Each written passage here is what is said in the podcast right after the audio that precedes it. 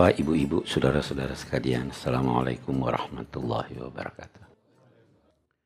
Malam ini eh, topik kita masih lanjutan topik yang lalu tentang kepercayaan kepada hari akhir. Kita sudah bicara banyak menyangkut itu, tapi masih ada beberapa yang eh, saya rasa perlu kita eh, ketahui. Yang pertama, Anda harus percaya bahwa ada hidup setelah kematian. Hidup setelah kematian itu bermula hidup di kubur, semua hidup, lalu ada kebangkitan, lalu ada perhitungan, lalu ada penimbangan amal, lalu ada jembatan, lalu ada sorga. Itu Anda harus percaya. Itu, itu mutlak percaya. Orang yang mati sekarang berada dalam kubur atau di alam barzah, Anda harus percaya itu. Yang berkata dia tidak hidup, tidak benar. Dia ada di sana. Yang berkata dia sudah tidak ada, tidak benar. Dia masih ada. Kita masuk rincian sekarang. Tapi saya ingin ambil beberapa inti. Wafat ada hari kebangkitan. Yang pertama terjadi adalah perhitungan. Dalam konteks perhitungan itu ada pertanyaan-pertanyaan. Umurmu kamu apakan? Rezekimu kamu apakan? Itu kan di dalam hadis. Gitu. Nah, baru ada penimbangan. Ada mizan yang penting, nah, yang harus dipercaya, bahwa ada satu cara yang ditetapkan Allah untuk mengukur kualitas seseorang apa benar atau salah. Itu. Apakah ada timbangan? Ada enggak timbangan? Berapa besar tuh timbangannya? Tidak wajib. Kita percaya, beda pendapat. Pertanyaan kedua, apa yang ditimbang? Ulama di situ beda pendapat. Ada yang berkata orangnya yang ditimbang. Kenapa orangnya yang ditimbang? Itu eh, ada ayat Al-Quran berkata menyangkut orang-orang kafir. La lahum yaumal qiyamati wazna. Di hari kiamat kami tidak lakukan penimbangan atas mereka. Jadi orangnya nih yang ditimbang. Sama kalau Anda mau beli jeruk misalnya, jeruknya sudah busuk semuanya. Anda masih mau beli, tolong timbang. Oh, enggak perlu ditimbang ini. Ini sudah jelas buruk nih. Ya kan? Itu katanya orangnya yang ditimbang. Itu ada sahabat Nabi bernama Abdullah bin Mas'ud. Orangnya pintar. Mengajinya enak. Sampai Nabi pernah minta, tolong kamu baca Quran. Saya mau ingin dengar. Abdullah bin Mas'ud berkata, apa saya yang baca padahal dia turun kepadamu? Dia bilang tidak, saya senang kamu baca. Dibaca lah oleh ini, Nabi menangis. Abdullah bin Mas'ud ini orangnya kecil. Kalau istrinya marah dia gendong, dia taruh di atas.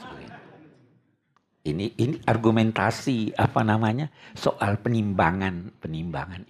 Satu waktu ada angin keras. Abdullah bin Mas'ud pergi berlindung di belakang satu pohon. Karena kerasnya angin dia bergerak. Sahabat-sahabat lain yang besar-besar itu ketawa. Kata Nabi, hei kamu ketawai dia. Dia punya kaki yang kurus, yang kecil itu. Itu lebih berat ditimbangan di hari kemudian daripada gunung Uhud. Nah, jadi ini orang yang ditimbang atau bukan? Ah, ini ada yang berkata yang ditimbang itu orang. Jadi ada orang yang kualitasnya baik, timbangannya berat. Ada lagi yang berkata yang ditimbang itu amal. Oke, yang ditimbang itu amal. Apa amal yang ditimbang? Dia katakan, amal itu bisa perbuatan anggota tubuh, tangan, kaki, dan sebagainya. Bisa niat, bisa ucapan, semua ditimbang. Nabi bersabda, ada dua kalimat, kalimatani habibatani lirrahman, dua kalimat yang Tuhan sangat senang. Khafifatani fil lisan, mudah ringan diucapkan, Sakilatani fil mizan. Berat sekali dalam timbangan. Apa itu? Subhanallah. Alhamdulillah. Itu ringan sekali. Jadi yang ditimbang amal. Ya kan? Nah, ini yang populer. Amal yang ditimbang ini. Apakah digabung semuanya atau satu persatu? Saya beri contoh. Ada satu orang saya minta ke pasar beli jeruk, cabai, beras, dan sebagainya. Beli beras 10 kilo, beli cabai sekian kilo, ini, ini, ini. Apa itu dicampur semua baru ditimbang atau ditimbang satu-satu? Nah, ini kita lihat. ya kan? Ada yang berkata digabung semua amalnya, yang baik di sini, yang jelek di sini. Fa'amman sakulat mawazin. Di sini rahasia mawazinu. Mawazin itu bisa berarti timbangan, bisa berarti anak timbangan. Kalau anak timbangan, kita yang kita kenal, ada satu ons, ada satu kilo, ada dua kilo. Waktu saya minta dari orang, saya minta kamu membeli beras 10 kilo. Maka saya taruh anak timbangan 10 kilo, saya taruh berasnya di sini berapa kilo. Kalau seimbang lolos. Kalau kurang tidak lolos. Ya kan?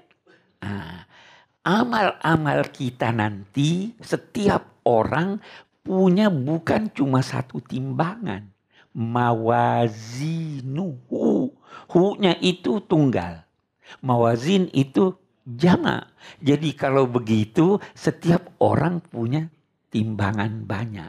Ada ukurannya yang diminta oleh Allah. Saya minta sholat timbangannya 10 kilo. Ayo ukur bagaimana itu? 10 kilo atau tidak? Oh ya Allah ini lebih banyak salat sunnahnya orang ini. Oh oke okay, bagus. Catat itu kelebihannya. Ya kan?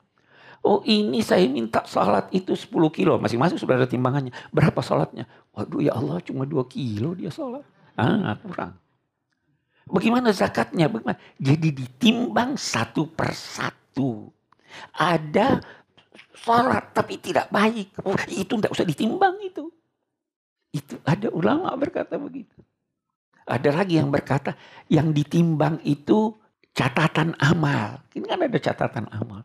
Ada orang yang catatannya yang jelek panjang sekali. Yang baik sedikit.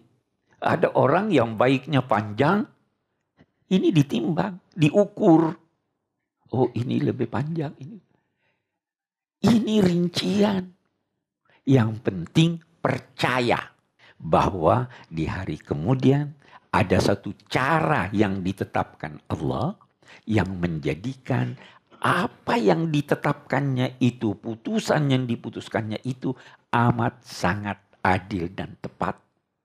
Terukur semua walau sebesar zarah. Ya kan?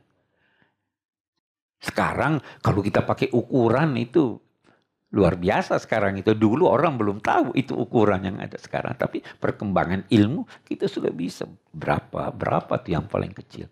Itu katanya ada, kalau Al-Quran menggambarkan yang paling kecil itu ada dua istilahnya. Zarrah, dulu orang anggap yang paling kecil itu adalah kepala semut. Itu sebabnya zarrah dinamai kepala semut. Kita akhir-akhir sekian tahun yang lalu kita anggap yang paling kecil itu atom. Ya kan? Tapi sudah dipecah lagi. Nah itu, percaya itu harus pasti ada. Ada yang dinamai sirat. Anda harus percaya. Wa imminkum illa wariduha kana ala rabbika hatmam maqdiya. Tidak seorang pun di antara kamu kecuali melewatinya. Harus lewat di sirat. Pasti lewat. Itu sudah ketetapan pasti dari Allah. Begitu selesai ditimbang, sudah ada putusan. Ini orang di sorga tingkat pertama. Ini orang di sorga tingkat kedua. Itu setelah ditimbang itu. Lalu dipersilahkan. Silahkan pergi ke sana. Tapi tidak ada jalan kecuali satu jembatan. Kita baca lagi. Oh itu jembatan gelap. Oke. Itu jembatan sepitian rambut di belah tujuh. Ya. Itu itu macam-macam. Mau percaya itu silahkan. Tidak percaya itu tidak apa-apa. Yang jelas menurut Al-Quran sirat itu jembatan dibawanya neraka. Orang disuruh lewat ada yang jatuh baru satu langkah dia jatuh dan semua membawa dosa-dosanya. Jadi semakin ringan dosa, semakin cepat. Kita harus percaya itu karena di Quran ada. Tetapi apa, apa ada di Quran atau di hadis bahwa eh, jembatan itu titian rambut di belah tujuh. Hadisnya lemah. Kalau kita baca Quran, sirat itu artinya jalan lebar. Sirat terambil dari kita bisa baca sirat, kita bisa baca zirat, kita bisa baca sirat. Asalnya sirat, sarafa. Tapi karena sin berdekatan dengan sod. Maka ada yang baca sirat, ada yang baca sirat. Saratah itu artinya menelan. Sesuatu yang ditelan itu pasti lebih kecil daripada kerongkongan ya kan? Jalan yang lebar itu dinamai sirat karena jalan lebar, Anda mau jalan di situ mudah. Itu sirat. Jadi jangan bilang di belah tujuh itu waduh. Ya pasti jatuh dong. Jalan lebar. Tapi bagaimana Anda pilih jalan Anda? Ala harf. Ada orang-orang yang beribadah kepada Allah tapi dia di pinggiran sana yang ekstrim itu. Pinggir kiri, pinggir kanan. Ya jatuh. Ambil yang di tengah. Itu sirat. Semua lewat di sana. Tidak ada yang tidak lewat di sana. Baru Nabi nunggu. Dia katakan yang pertama lewat saya. Yang pertama dilakukan perhitungan umat saya. Saya nunggu di sana. Dalam hadis dikatakan Nabi itu melihat.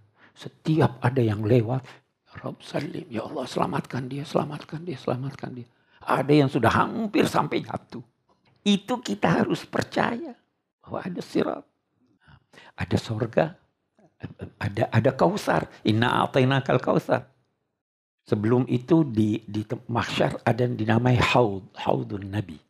Di sorga ada kausar. Kausar ini salah satu penafsirannya, ini rincian, boleh percaya boleh tidak. Salah satu penafsirannya sungai siapa yang minum airnya tidak bakal haus lagi. Dia sumbernya dari sana itu ada mengalir ke sebelum orang masuk ke sirat. Orang-orang Islam, umat Nabi, dipersilahkan kamu minum dulu di sini. Baru pergi ke sirat. Ada yang mau minum dalam hadis nih. Yang mau minum, ada, kamu tidak boleh minum. Hei malaikat, itu umatku. Dia kamu tidak tahu apa yang mereka kerjakan setelah kamu wafat. Jadi ada yang tidak minum.